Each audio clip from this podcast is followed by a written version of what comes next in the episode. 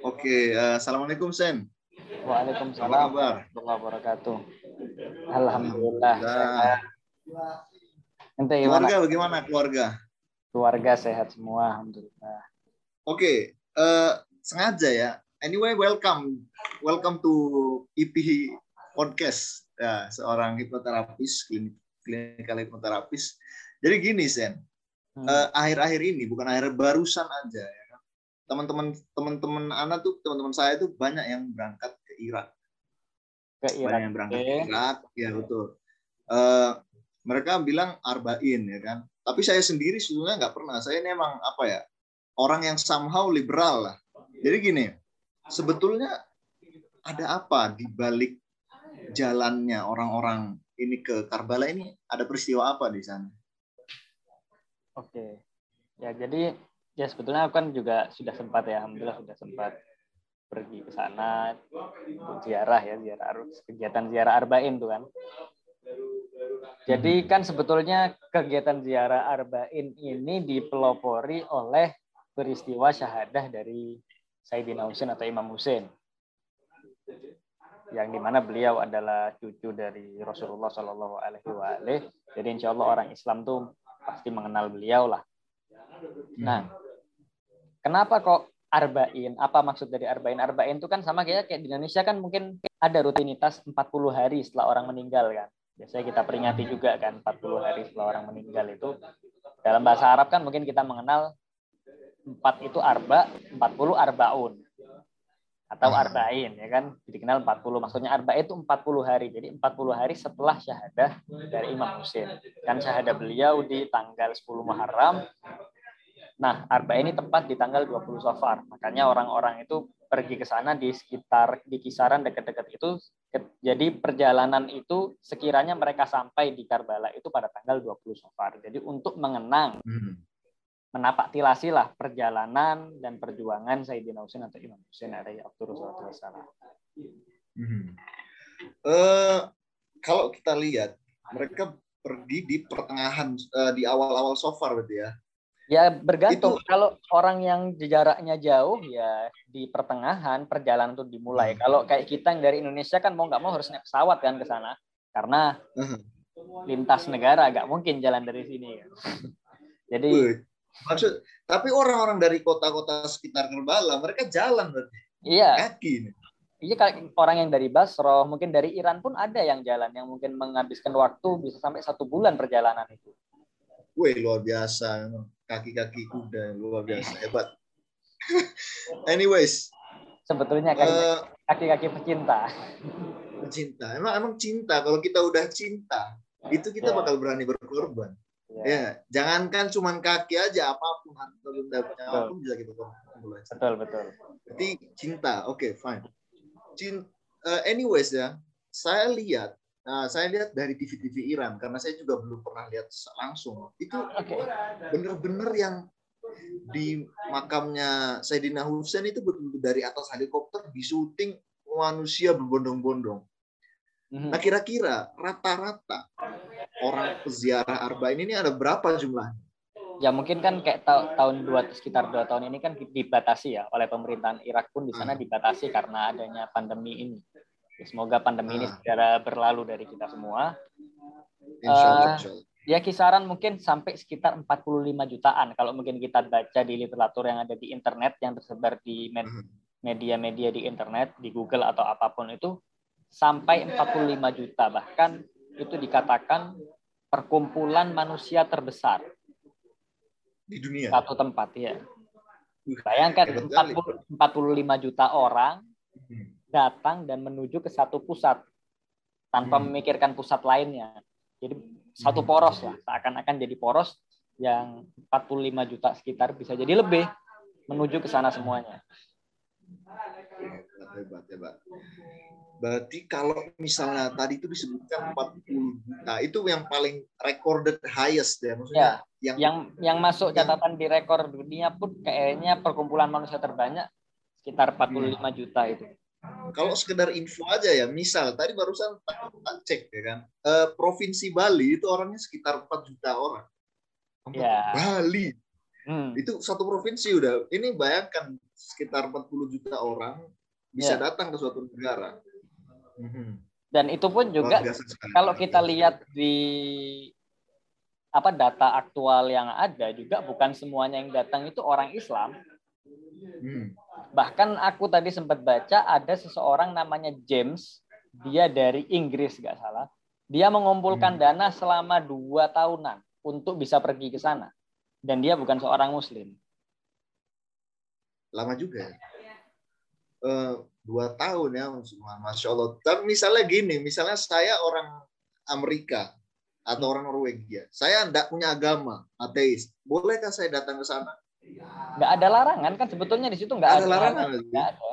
Selama kita masuk ke negara dengan kita menaati peraturan-aturan yang ada di negara hmm. itu, ya it's okay aman. Jadi bukan acara yang eksklusif yang hanya orang-orang yang punya undangan. Saya pun ketika itu berangkat tanpa hmm. punya undangan, ya berangkat-berangkat sendiri, jalan ke sana hmm. jalan sendiri, nggak ikut rombongan kan. Kayak di beberapa negara ada kafilah-kafilah rombongan-rombongan yang berangkat. Di Indonesia pun ada beberapa rombongan kan. Nah, ya. aku waktu itu pun berangkat dengan teman-teman sendiri, Bung, bukan rombongan tertentu. Hmm. Meskipun misalnya saya ini Karl Marx, gitu, Roy, tak apa ya datang ke sana. Apa pun sudah, gak ada masalah. Apa pun, gak ada, oke siap. Yang penting menaati aturan di sana. Ya, sama lah uh, kayak turis datang ke Indonesia mau liburan, ya kan mau nggak mau harus ngikutin oh, Jadi begitu ya. ya. Terus kalau misalnya banyak orang datang itu, mereka kan pasti punya harus akomodasinya ada, makannya, minum, tidur apa segala macam. Itu gimana sih? Orang-orang masyarakat sekitar atau yang berpartisipasi itu mengantisipasi ini gimana nih? Ya luar biasanya emang kayak di sana itu bahkan sampai ada beberapa berita yang meliput bahkan kalau kita search di Google pun ada yang meliput tentang apa namanya eh, keramahan rakyat Irak, warga Irak. Jadi sepanjang perjalanan tuh aku kan juga pernah ke sana tuh uh, sepanjang perjalanan ketika kita mulai dari Najaf kan start awal tuh dari Najaf kan kita jalan ke Karbala itu di sekitar ada sekitar 80 km itu ya itu setiap mungkin bisa jadi setiap meternya atau setiap ya setiap 10 meter atau apa di situ ada maukib yang dinamakan tempat peristirahatan. Di situ mereka menyediakan tempat istirahat untuk tidur, makanan, minuman, teh, kopi, air, buah, minuman dingin. Hmm. Bahkan ada orang-orang yang menyiapkan tempat untuk pijat bagi orang-orang yang kakinya mungkin capek hmm. atau mungkin P3K lah di semua tempat itu benar-benar ready dan siap seandainya pun ada yang perlu evakuasi ada mobil-mobil yang berjalan juga hmm.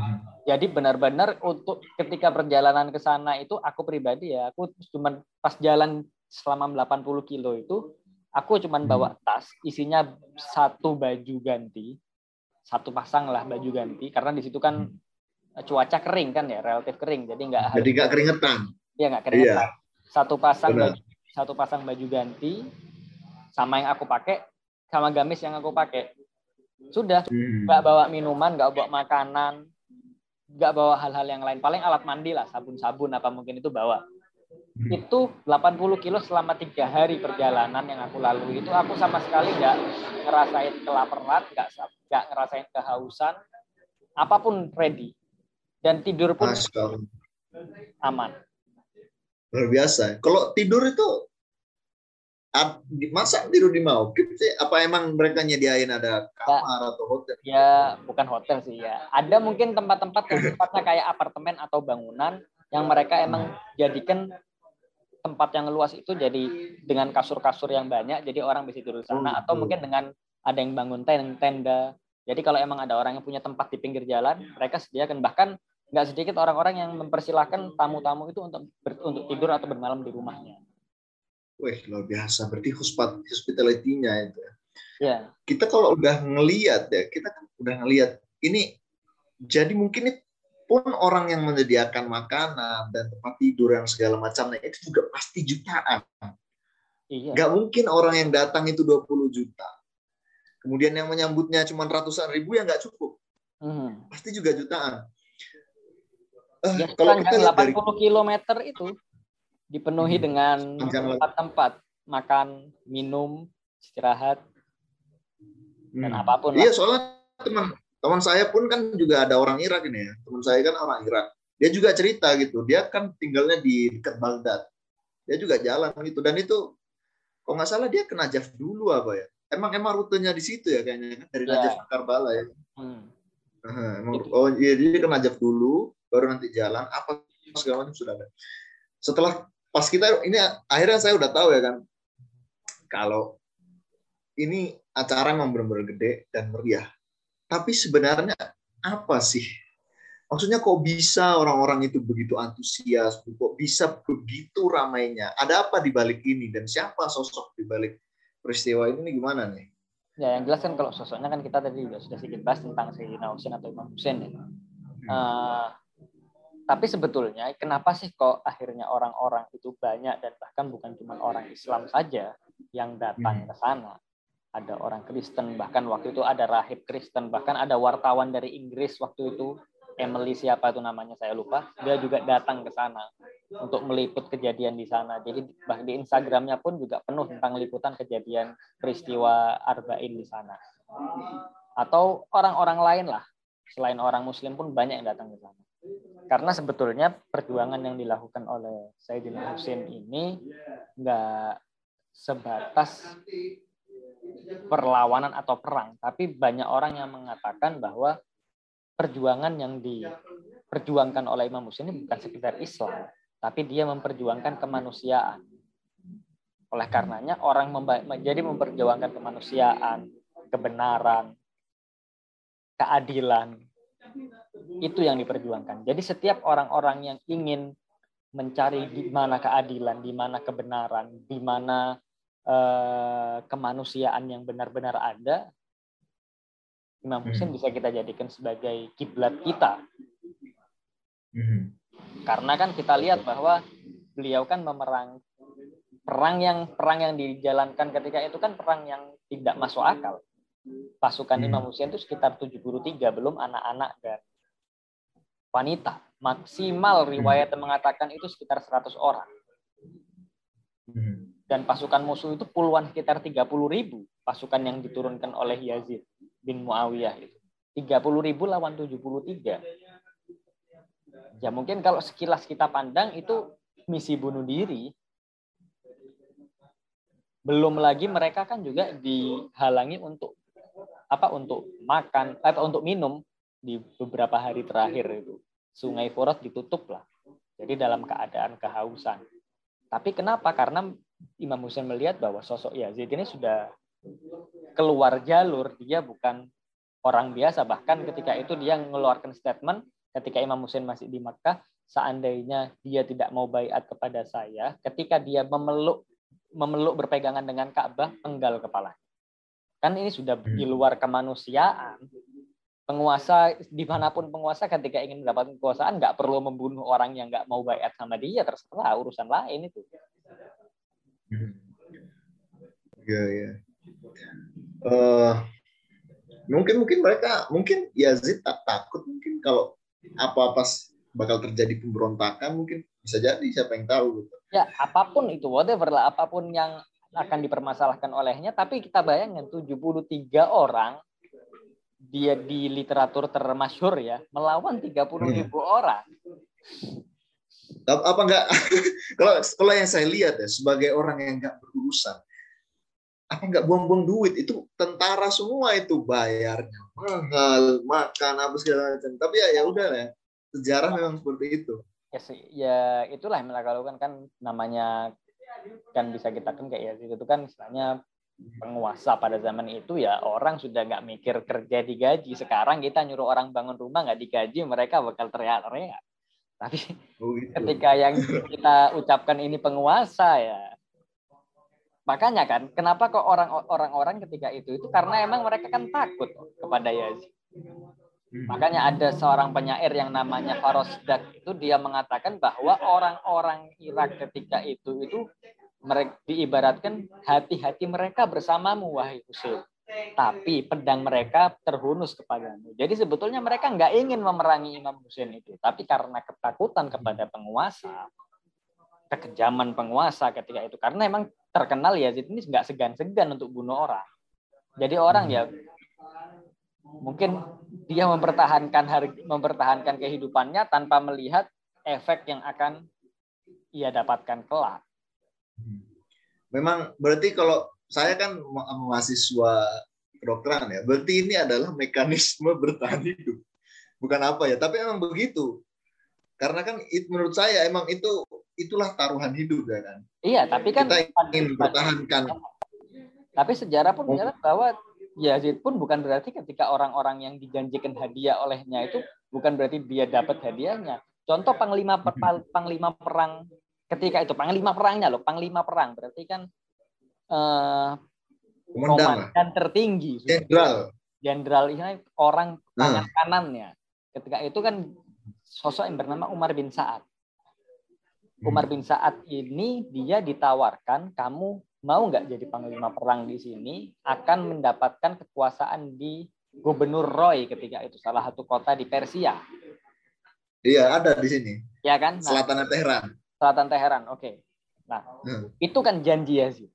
Tapi mulai semenjak setelah perang itu sampai akhirnya matinya Umar ini, wafatnya dia, matinya dia ini, terbunuh apa dia dibunuh itu sampai mati itu dia nggak pernah menyentuh Rai sama sekali. Berarti PHP dong ya Yazid ini. Dan semua orang telah mengenal itu, tapi entah kenapa karena kecintaan mereka terhadap dunia, mereka tak segan atau tidak pikir hmm. panjang untuk meninggalkan cucu Rasulullah Shallallahu Alaihi Wasallam yang di mana mereka umat Islam dan mereka tahu apa pendapat dan bagaimana kecintaan Rasul kepada cucunya ini, tapi mereka tidak pikir panjang untuk meninggalkan bahkan memerangi cucunya sendiri. Uh, kita ini kan sepintas tentang terjadinya peristiwa tersebut, hmm. ya kan? Ya. Tapi kalau kita kembalikan lagi dengan kita kembalikan lagi kalau ngeliat orang-orang yang sampai 20 juta itu. Gak mungkin lah kalau mereka itu sebetulnya nggak terhipnotis. Ada sesuatu hal, ada suatu hal yang kita nggak tahu apa. Saya nggak tahu apa. Terjadi di dalam pikiran pengikutnya Sayyidina Husain. Sehingga mereka itu benar-benar termotivasi dan berbondong-bondong ke Karbala. Pasti kan ada kan ini dia maksudnya unsur-unsur yang seperti hipnotis, hypnotizing agent dari Imam Hussein. Ini kira-kira apa sebenarnya yang terjadi? Berhubung Anda kan uh, hipnoterapis, begitu? Ya, uh, mungkin begini ya. Hmm. Jadi kan kita kan melihat kan salah satu fitrah manusia itu kan ada yang namanya rasa berterima kasih ya. Ini hal pertama, yang pertama nih ya. Hmm. Itu kan fitrah manusia. Semua orang lah ketika dikasih sesuatu pasti akan berterima kasih kan akan pemberiannya itu. Kan begitu hmm. kan? Nggak ada orang kecuali nggak tahu nggak tahu kecuali nggak tahu terima kasih. Saya sih ya orang ketika ya setidak tahu tidak tahu terima kasihnya orang ketika diberi sesuatu oleh temannya minimal dia mengucapkan terima kasih. Minimal itu kan. Nggak ada kan dikasih sesuatu ngapain kamu ngasih ini? Marah-marah kan ya nggak gitu juga. Pasti kan terima kasih lah pasti ada, itu sudah menjadi fitrah manusia yang diberikan oleh Tuhan kepada setiap manusia apa pun agamanya apa pun etnisnya keyakinannya sukunya siapa pun dia itu ada nah ketika kita sebagai umat Islam yang memang uh, salah satu panutan apa panutan terbesar kita ada Rasul, Rasulullah Shallallahu Alaihi Wasallam uh, pasti ini dari sudut pandang umat Islam ya orang yang beragama Islam ya pastikan kita juga menghargai hal-hal yang dianggap sesuatu yang istimewa oleh Rasulullah.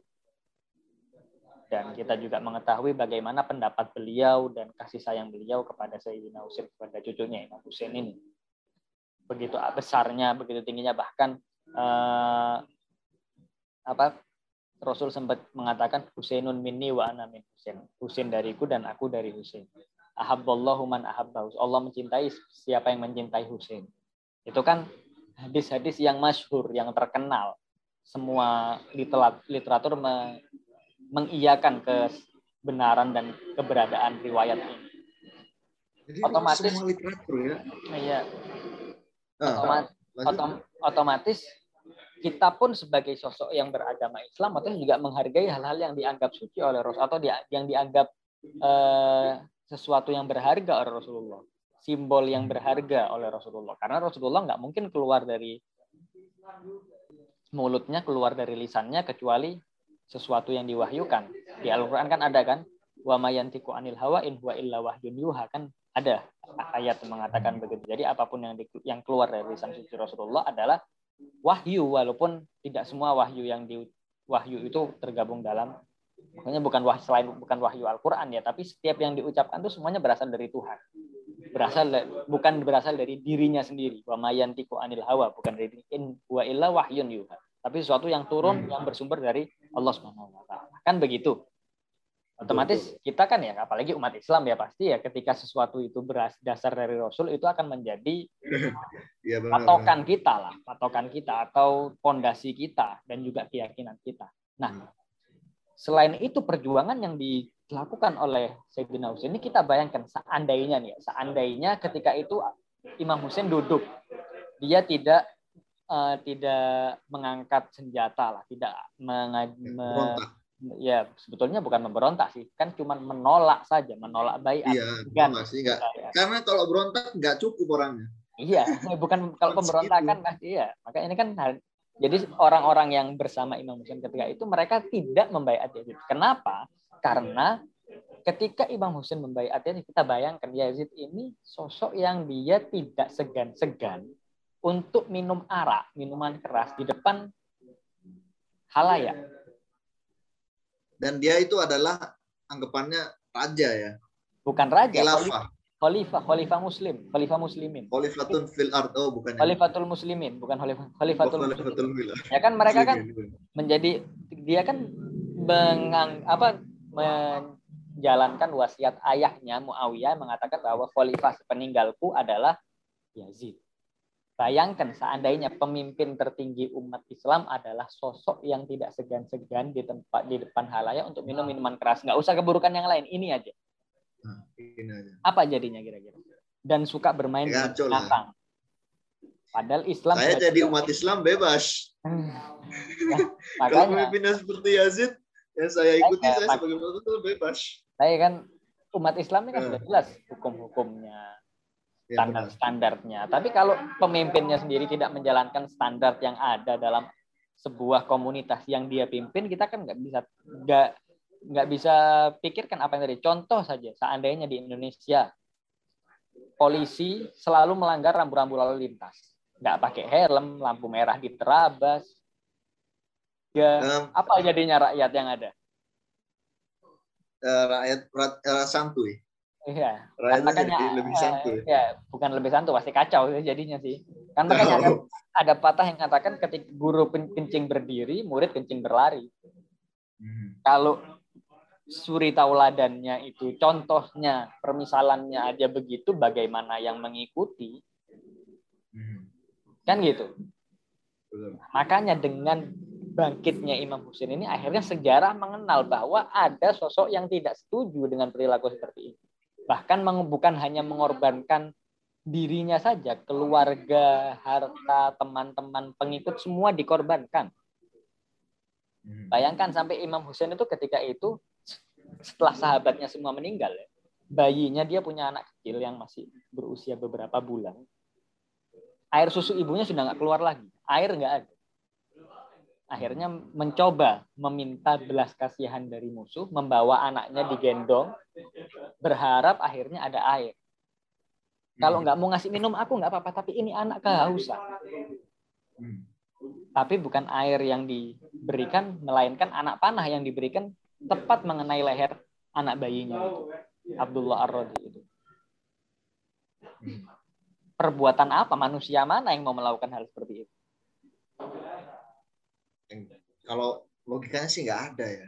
Makanya kan jangkit nggak usah kita logika umat Islam logika manusia aja. Makanya orang-orang yang melihat perjuangan Imam Husain ini bahkan dari di luar orang agama Islam mereka mengatakan bahwa yang dilakukan Al Husain ini bukan hanya memperjuangkan agama Islam tapi memperjuangkan nilai-nilai kemanusiaan. Menjunjung tinggi nilai-nilai kemanusiaan Al Benar-benar. Jadi menjunjung tinggi nilai kemanusiaan adalah slogan dari Imam Hussein. Makanya kan sampai beberapa orang uh, siapa itu ya yang mengatakan ada salah satu orang dia kalau nggak Buddha Buddha gak salah dia seorang Buddha. Entah Mahatma Gandhi Mahatma Gandhi. atau siapa lupa ya.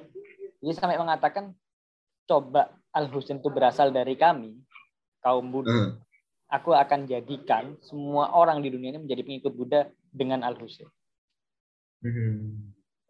karena semangat kemanusiaan itu tadi iya bukan cuma menjunjung tinggi agama tapi kemanusiaan juga keadilan Berarti orang Indonesia siapa pun itu sebetulnya layak dan boleh-boleh aja pergi ke Harbain, lihat apa yang terjadi di sana. Oke, okay, anyways. Tadi kan udah bahas soal ini kan, soal dari sisi kemanusiaan. Nah, sisi apa lagi yang mau di Tadi kan dari dari sisi fitrah ya.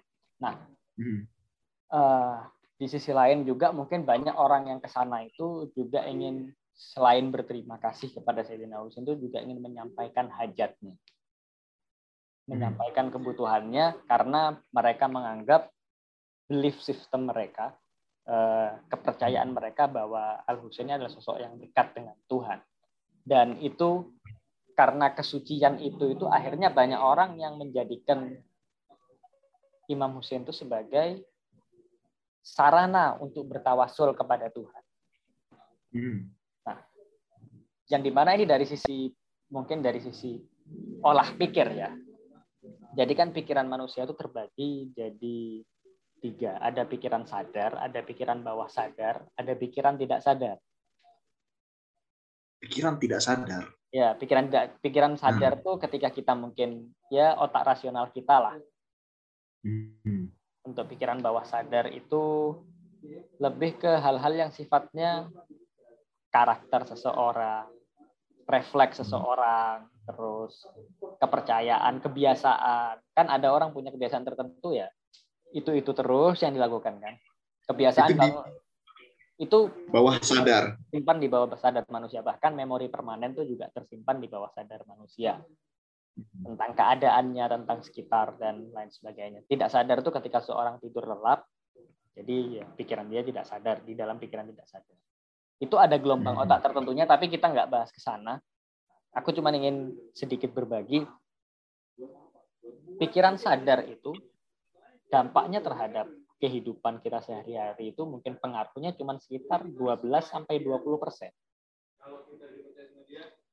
Melain, adapun pikiran bawah sadar itu 80 persen bahkan sampai ada mengatakan 90 persen kegiatan yang dilakukan oleh manusia itu bersumber dari bawah sadarnya. Hmm. Karena kan karakter kita, kebiasaan kita, semua itu dari bawah sadar kita. Kayak contoh mungkin uh, ketika kita ingin hal-hal yang sudah terekam di bawah sadar kita, ya, ketika kita ingin uh, contoh kita mau bicara nih mungkin ya saya kasih contoh ya kita uh, bicara gaya kita berbicara ya, adalah ya, dari alam sadar itu. Ya, ya. ya, itu kan sudah keluar kayak kita bicara. Terus mungkin hal-hal yang mungkin simpel kayak contoh begini apa namanya? Kita mau masak mie sedap atau indomie goreng lah, ya. Masa kita mikir aku mau makan mie nih, kita pikir dulu berarti aku harus ngambil mie dulu, aku buka bungkusnya, terus aku hmm. ya, taruh ke piring, habis itu aku godok air, setelah airnya mulai panas aku masukkan mie-nya, apalagi ya oh mungkin begini baru habis itu kita melaksanakan. Atau kita langsung jalan aja jalan ambil mie tanpa dipikir langsung. Karena hal itu sudah terekam dalam bawah sadar kita. Iya. Jadi sudah menjadi ah. kebiasaan kita dan itu nggak perlu kita pikirkan lagi apa yang harus aku lakukan hmm. nah bawah sadar ini terbentuk dari lingkungan keluarga dan banyak hal lah yang bisa membentuk bawah sadar manusia anyways kita nggak bakal nggak bakal bahas detailnya tapi yang kita bahas di hal lain Contoh, ada orang yang sering meminta kepada Tuhan, berdoa kepada Tuhan, ingin mendapatkan sesuatu. Tapi ketika dia meminta itu, contoh ini ya, saya hmm. pengen, ya Allah saya pengen besok dapat uang 100 juta. Contoh ini. Pikiran sadar kita mengatakan aku butuh uang 100 juta. Tapi pikiran bawah sadar mengatakan dari mana dapat 100 juta? Kan mungkin dari mana dapatnya ya? Kan mesti kita gitu kan, kalau ingin hal-hal yang sifatnya mungkin menurut kita, menurut kita mustahil. Duduk masa bisa dapat 100 juta? dari mana kerja enggak ini apa otomatis secara gak langsung pikiran bawah sadar kita menolak doa kita sendiri. Atau dalam tanda kutip kita kita sadar kita menolak doa kita sendiri. Karena apa? Pikiran sadar kita mengatakan aku butuh uang 100 juta. Tapi pikiran bawah sadar kita secara gak langsung dari mana uang 100 juta? Kan gitu. Oh dia nggak berpikir dia nggak tahu caranya. Dari dalam bawah iya, sadar ini. ya, ya karena bawah sadar tuh hal-hal yang tersimpan, melainkan pikiran hmm. sadar itu hal yang bersifat rasional. Hal yang kita pikir ketika kita berhitung, memikirkan sesuatu secara rasio, dan banyak hal lah yang sifatnya kita menggunakan pikiran kita untuk mendapatkan satu kesimpulan. Oke, tapi bahwa, tapi bahwa ya, tapi bahwa sadar kan nggak hmm. begitu. Ya. Nah, pikiran sadar tadi dampaknya sekitar 12 sampai 20 persen. Bahwa sadar itu 80 sampai 90 persen. Otomatis kalau kita benturkan siapa yang menang? Yang bawah sadar. Yang bawah sadar. Makanya terkadang kita mungkin sering meminta atau berdoa kepada Tuhan, tapi karena pikiran bawah sadar kita menolak, dari mana dapatnya, bisa nggak ya, akhirnya itu secara nggak langsung menolak doa kita sendiri. Nah, tapi salah satu yang bisa mengalahkan itu ketika kita punya keyakinan. Salah satu keyakinan orang-orang ketika meminta sebuah hajat di bawah pusara Al Husain itu hajatnya pasti terkabul. Itu itu ke, ke, ke, keyakinan yang dibuat oleh apakah apa yang membuat apakah Imam Husain membuat enggak, tapi karena dengan menuju ke sana itu kepercayaan dia terhadap Tuhan meningkat. Akhirnya Imam Husain itu menjadi perantara untuk terkabulnya doa dia ke Tuhan.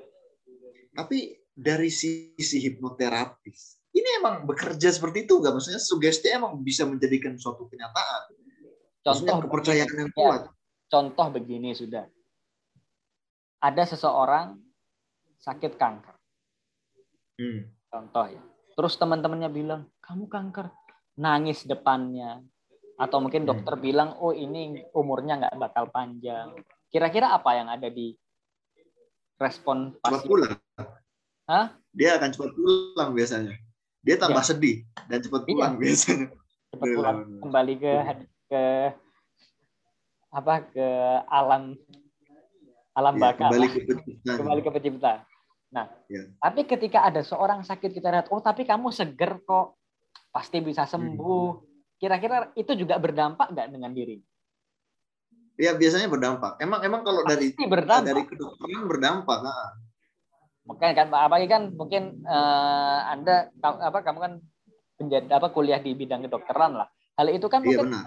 Dan banyak kadang ada dokter-dokter ya mungkin perawat-perawat atau apa ya entah ya mungkin karena ingin mengatakan kenyataan kepada pasien ini ya agak sakit ya sakit ya Hmm. Itu kan diucapkan Pak, itu bisa mendapat menambah kepanikan seseorang terhadap hal yang akan menimpanya.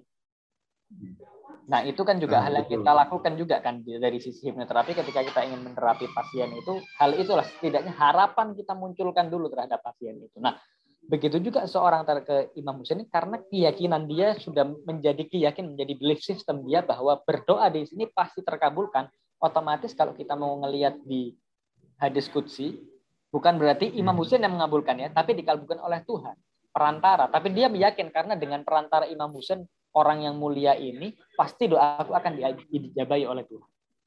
Hmm. Karena dia melihat apa? Aku ini minta, aku ini diriku begini, banyak dosa ini apa? Melalui perantara orang yang luar biasa, pasti doaku dikabulkan. Di hadis kudsi dikatakan, Tuhan Allah pernah berfirman, aku sesuai prasangka hambaku padaku. Jika baik, maka aku akan baik. Jika buruk, maka aku akan... Pernah dengar kan hadis kudsi itu kan? Pernah dengar. Nah, otomatis ketika kita minta sesuatu dengan keadaan yakin Tuhan pasti akan memberikan pada kita, maka kita berprasangka baik kepada Tuhan. Maka Tuhan hmm. akan ya kan? Mengabulkan.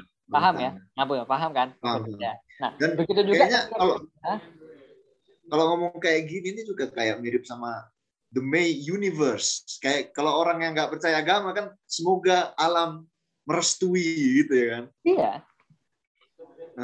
Dan pasti kan gitu, okay. ketika kita berdamai dengan alam, berdamai dengan hewan, mana mungkin hewan menyerang kita? Kalau kita hmm. berdamai, ular saja atau mungkin binatang-binatang buas saja, ketika dia diajari dengan oleh pawangnya, dia pun bisa akrab kan kita kalau mungkin lihat di medsos lah banyak ada orang akrab dengan singa, dengan harimau, dengan ular. Ya. Padahal mereka binatang buas, tapi kenapa bisa begitu? Karena seseorang itu bisa menyatukan frekuensinya, menyatukan jiwanya dengan jiwa binatang ini dengan apa? Menghormatinya, menghargainya. Nggak serta-merta menyiksa binatang itu. Hmm. Otomatis di mereka juga makhluk hidup ketika merasakan keamanan kenapa dan kenyamanan kenapa mereka lari hmm. kan gitu Yuk. betul nah salah satunya orang juga kenapa berangkat ke sana itu karena kepercayaan mereka dengan menuju sini hajat-hajatku kehidupanku dan semua yang akan aku lalui ini akan lebih mudah itu yang kedua yang ketiga kenapa kok banyak juga orang yang eh, non muslim dan lain sebagainya karena itu mereka melihat dari segi kemanusiaan dan segi perjuangan Al Husain karena mereka melihat ini sesuatu yang aneh yang hmm. menakjubkan bagaimana seseorang bangkit membawa keluarganya, anak-anak, wanita hanya untuk menjelaskan niatnya. Niat-niatnya apa? Untuk menegakkan keyakinannya, menegakkan kemanusiaan. Ini ada sosok yang luar biasa terhadap orang seperti ini. Hmm. Dan kita lihat, bayangkanlah, Imam Hussein itu meninggal sekitar hampir 1400 tahun yang lalu. Tapi tahun demi iya. tahun peringatannya bukan semakin mengecil, bukan semakin pudar, bahkan semakin besar. Mau nggak mau, nggak harus orang Islam, orang lain itu pasti ngelihat ada sesuatu yang beda di sini. Bukan hal yang biasa. Bayangkan 1400 tahun. Semakin meningkat setiap generasi dan generasi ini. Pasti bukan hal biasa ini. Banyak orang besar, tapi Al Husain ini berbeda. Ya, tapi kita nggak berbicara kalau Rasulullah ya. Rasulullah pasti jauh di atas Imam Husain. Kita lihat maulidnya berada di mana-mana. Tragedinya ini. Cuma ya. tragedinya ini yang membuat dia sesuatu yang benar-benar menarik bagi orang-orang di luar sana. Ya. Ada tiga poin? Ada poin lagi? Cukup di situlah. cukup di situ. Dan ini kalau ya. kita ngelihat ya, kan Imam Sayyidina Husain atau disebut Imam eh, bisa kita bilang Imam Husain. Beliau ini kan memperjuangkan sesuatu untuk suatu hal yang lain. Kalau kita ngelihat di masyarakat Indonesia nih ya, kan nggak semua bangsa itu pasti punya masalah, ya nggak? Uh-huh. Semua bangsa punya masalah. Amerika dengan liberalismenya mereka menjadi acuh tak acuh terhadap warga, Eh, terhadap tetangga dan sebagainya. Kita lihat lagi mungkin di banyak masalah. Kalau di Indonesia, kira-kira pesan yang paling penting buat kita orang dari Imam Husaini apa kira-kira? Ya sebetulnya uh, ya juga bukan berarti cukup dengan tiga poin yang tadi kita bahas, bukan berarti hanya itu ya pelajaran yang bisa kita ambil. Pasti banyak yang bisa lebih kita gali lagi. Nah, apa sih mungkin yang bisa kita ambil untuk bangsa atau warga Indonesia ini? Kalau aku lihat ya Indonesia ini salah satu negara. Ya kita nggak bahas negara lain lah kita bahas Indonesia aja lah. Hmm. Indonesia adalah salah satu negara yang menurutku menjunjung tinggi nilai kemanusiaan. Menghargai perbedaan. Menghormati keyakinan setiap manusia.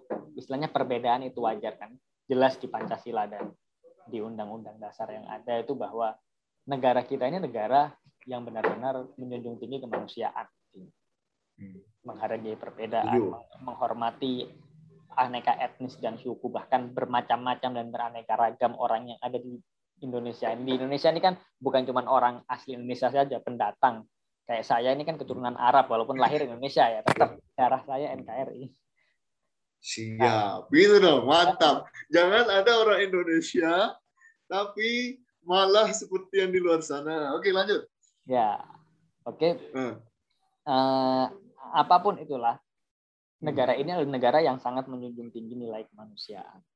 Dan saya lihat ketika kita mungkin sering uh, mengkaji dan melihat apa yang diperjuangkan oleh Imam Husain, apa yang beliau perjuangkan, apa yang beliau lakukan, bahkan salah satu sahabatnya Imam Husain itu ada yang bernama John. Dia seseorang orang berkulit hitam dan ketika ia wafat, John, ketika ia wafat membela Imam Husain itu, Imam Husain menghampirinya dan Imam Husain meletakkan pipinya di pipi John ini. Padahal dia kan istilahnya orang kulit hitam lah kan banyak orang yang membedakan orang kulit hitam. Tapi Imam Husain nggak membedakan itu dan meletakkan pipinya di pipi Imam Husain sampai si John ini sebelum meninggal dia bilang siapa yang sepertiku karena pipi cucu Rasulullah diletakkan di atas pipiku kata dia. John ini Muslim apa Kristen? Muslim, Muslim. Muslim ya? Dia sebelumnya pembantu pembantu di pembantu Imam Husain Buddha, tapi dibebaskan oleh Imam Husain dan ikut berjuang. Imam Husain pun telah memerintahkan pergi nggak apa-apa, aku kau sudah cukup membantu, banyak membantuku. Tapi kata John, bagaimana masa ketika engkau dalam keadaan tenang aku bersamamu dan ketika engkau membutuhkan bantuan aku meninggalkan. Dan di situ kembali lagi bahwa hal-hal ini Imam Husain juga menjelaskan ingin mengatakan secara tidak langsung kepada umat manusia bahwa tidak ada perbedaan di antara kita.